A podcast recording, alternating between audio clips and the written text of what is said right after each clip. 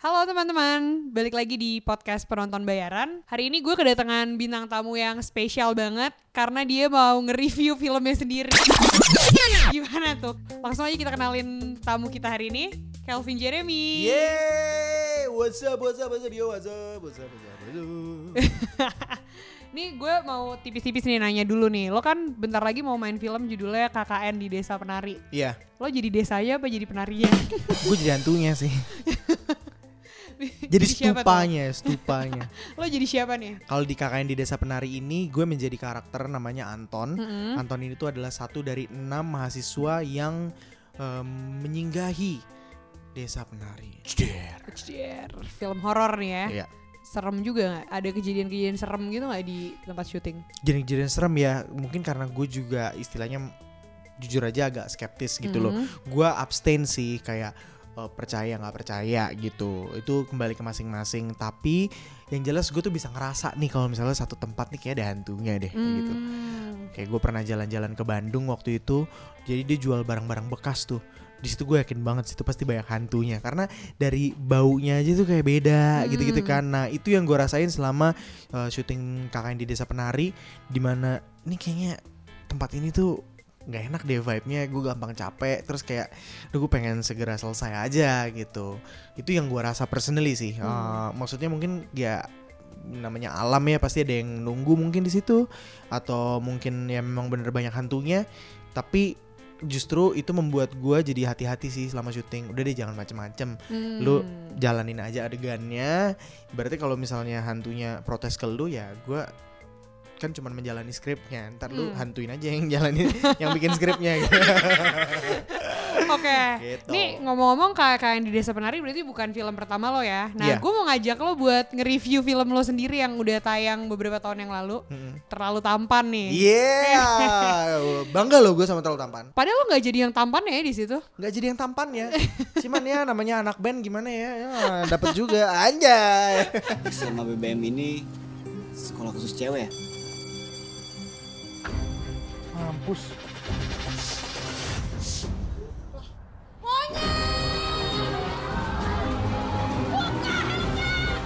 Gue buka ya, janganin.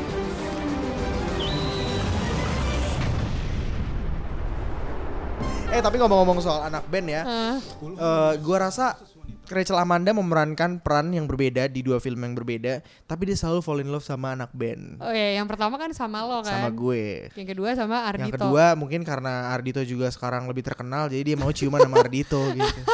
Tapi di film itu dia nggak pacaran loh. Oh nggak pacaran ya? Iya, lo udah nonton belum? Eh, sejujurnya karena waktu itu lagi syuting KKN, Heeh. jadi gue belum, belum nonton. sempet nonton. Tapi kan banyak ya di kota-kota besar ciuman tapi nggak pacaran. Emang iya ya? Hmm, iya sih, gue juga dulu kayak gitu sih. Oke, hmm, Suara gue ganteng gak ya kalau denger gitu? Kayak, ya, gue juga kayak Lu gitu, kayak gitu sih. sih. juga. Eh, Nah terus lo gimana nih? Hmm. Lo melihat diri lo sendiri di film terlalu tampan, lo nonton lah ya kalau terlalu tampan. terlalu tampan gue eh, nonton nonton. Menurut Iya lo, nonton.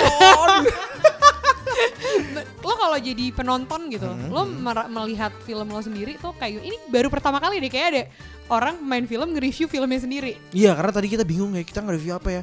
Udah kita review film yang Calvin Jeremy perankan saja seperti itu. Karena jarang sekali kan mungkin misalnya nih kalau Saputra mereview ADC gitu kan nggak nggak mungkin mau dia kan.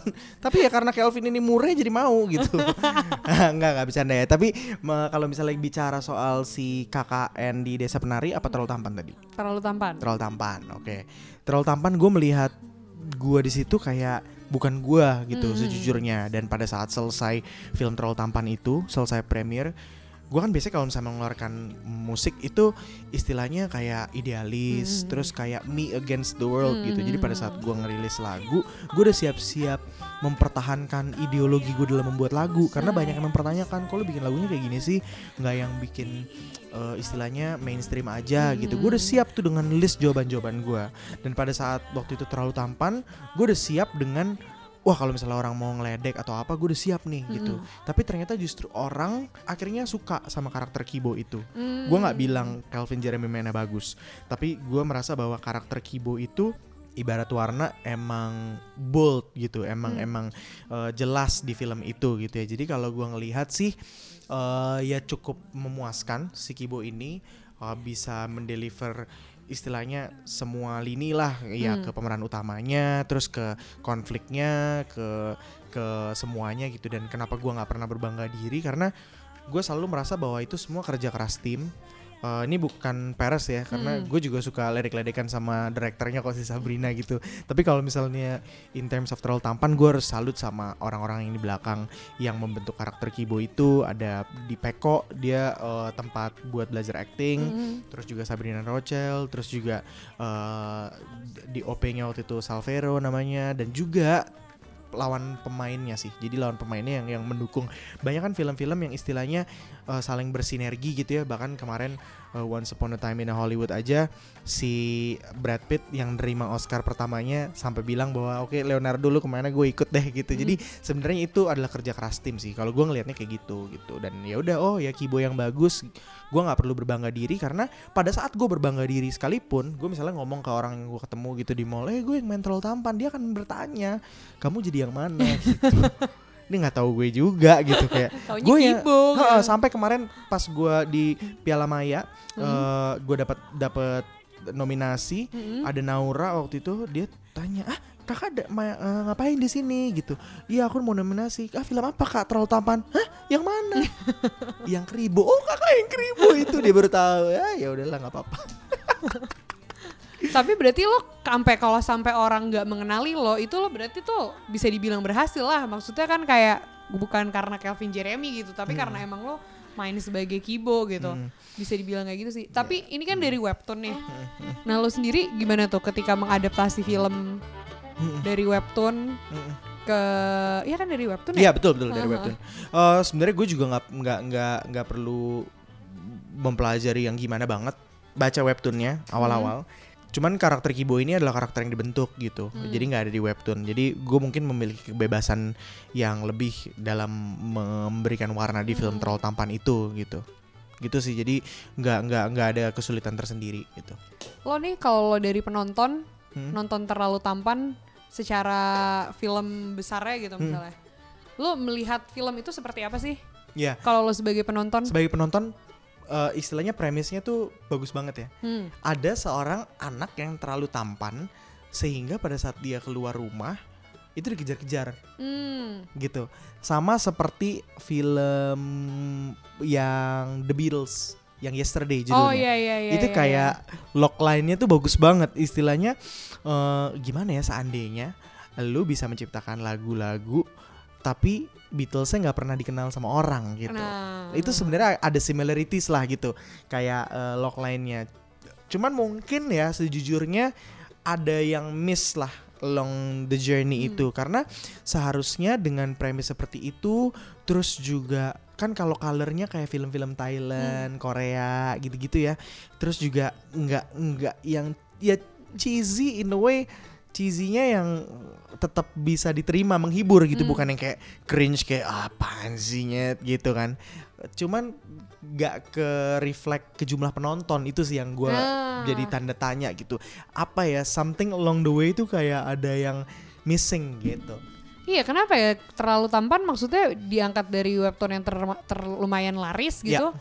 Terus tiba-tiba ketika itu kenapa nggak nggak laku gitu Iya maksudnya? iya Apa iya ya? iya. Eh, gua rasa sih karena kalau misalnya berbanding lurus sama webtoon nggak juga. Karena webtoon kan istilahnya gratis kan. Hmm. dan Indonesia kan memang suka yang gratis-gratis. Sementara kalau lu nonton terlalu tampan nggak cuman ini harus bayar tapi lu harus effort ke bioskop gitu-gitu. Dan mungkin pada saat itu juga timingnya terlalu cepet apa kayak gitu. Makanya itu juga yang membuat gua dalam tanda kutip mengantisipasi juga gue sebagai netizen gitu ya. Nih KKN di desa penari bakal kayak gimana ya? Karena orang nunggu banget nih gaungnya. Wah Ah. ini pasti box office nih apa segala macam gue sih kalau misalnya ngelihat dari kacamata penonton gue penasaran sejauh Karena- apa sih lo Karena viral banget kan viral banget Ah. bener bener ada ada ada yang kayak misalnya yang nggak terlalu gimana banget malah justru meledak Iya kayak iya gitu-gitu iya iya. kan Gitu. Gue juga pas KKN di Desa Penari gitu ya, gue lihat ininya, waduh gue nggak ngerti sih sejujurnya itu kan threadnya udah banyak gitu kan. Ini nggak ada yang mau nyatuin apa gimana. Nggak usah khawatir gue juga sebagai memerankan karakter Anton juga waktu itu nggak habis sih baca di Twitter gitu iya ya. kayak nggak ngerti kan. Kayak banyak banget gitu. Bahkan gue cenderung yang eh, kok detail banget ya ceritanya Hmm. kayak gitu-gitu cuman eh, setelah pembahasan juga sama teman-teman ya feeling gue sih ada kemungkinan ini memang benar-benar terjadi hanya memang dibumbui cerita-ceritanya supaya lebih kayak eh, nyampe aja eh, Ah. ceritanya gitu Nih soal terlalu tampan lagi nih. Hmm. Kalau misalnya lo kan ibaratnya lo berhasil menghidupkan karakter si Kibo itu kan. Kalau Kibo dibikin spin off Kibo sendiri nih kira-kira gimana nih? Ada nggak tapi yang mau nonton? Minimal gue, keluarga lo, lo gitu kan Iya. mau nonton kan. iya iya iya iya Gue liputan kan pasti. liputan. nih di detik ada berapa nih orang ya? Ya mungkin 10 persennya ini mau nonton lah nih kalau dikasih tiket gratis nih ya. Iya, iya, iya. Cuman sih gua mungkin ya Hmm. sampai saat ini kayak belum melihat gitu sejujurnya kayak eh, followers gua nggak sebanyak Aliando misalnya. Terus kayak engagement rate gue juga masih gue masih berusaha untuk naikin engagement rate gue gitu. Eh, terus juga gue bukan youtuber yang kayak Atta Halilintar. Ya modal gue cuman pernah sukses menghidupkan karakter Kibo aja sih. Hmm. Bahkan di musik juga istilahnya ya nggak gimana banget sampai Hmm. terakhir gue ngeluarin album nostalgia kemarin gitu kan. Hmm. Kalau sekarang kan ada banyak kayak Word of Gangs lah, Pamungkas Hmm. lah, mereka kayak sukses-sukses banget ya gue bikin album ini kayaknya kagak sesukses ini kemarin gitu. Cuman kalau misalnya bilang ah, spin off gitu, gue jujur masih tanda tanya. Tapi kalau Hmm. misalnya emang udah bikin aja gitu ya, udah oke nyemplung gitu ya. Eh, karena gimana pun juga dalam berkarya sebagai aktor kok gue ngerasanya juga bisa lebih tulus gitu kayak udah gue jalaninnya eh, nggak perlu neko-neko gue jalanin ya jalanin aja gitu ya. Terus juga kalau misalnya bikin spin off ya gue pengennya sampai tahun ini mungkin gue spesialisasi sidekick. Ah. jadi selalu nomor dua dulu nih. Saya mungkin siapa tahu gue bisa menyaingi Yout- YouTube-nya Atta Halilintar nanti gue bikin film sendiri deh Kalau dari 1 sampai 10 nih, terlalu tampan lo kasih rating berapa? terlalu tampan 1 sampai 10 Hmm, 8,6 8,6. terlepas gue tidak main di situ ya ah, Misalnya sebagai yang- penonton. Ah. kalau yang mainin lain mungkin gue kasih 5 sih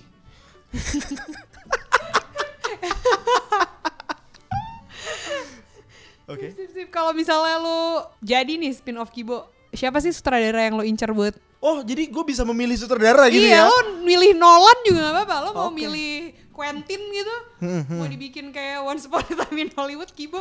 Iya iya iya iya bisa bisa bisa. Eh, siapa ya? Bentar bentar bentar. Gue milih dulu. Gue mungkin akan memilih eh direkturnya yang komedi sih. Direkturnya bebas kan ya? Hmm. Gue akan memilih Sabrina Rochel sih. Hmm, karena Karena ya istilahnya ada karakter Kibo itu dan hidup ya itu chemistry dia. sama dia sih. Gue cuman ya udah jalanin aja dengan legowo gitu. oke. Alright.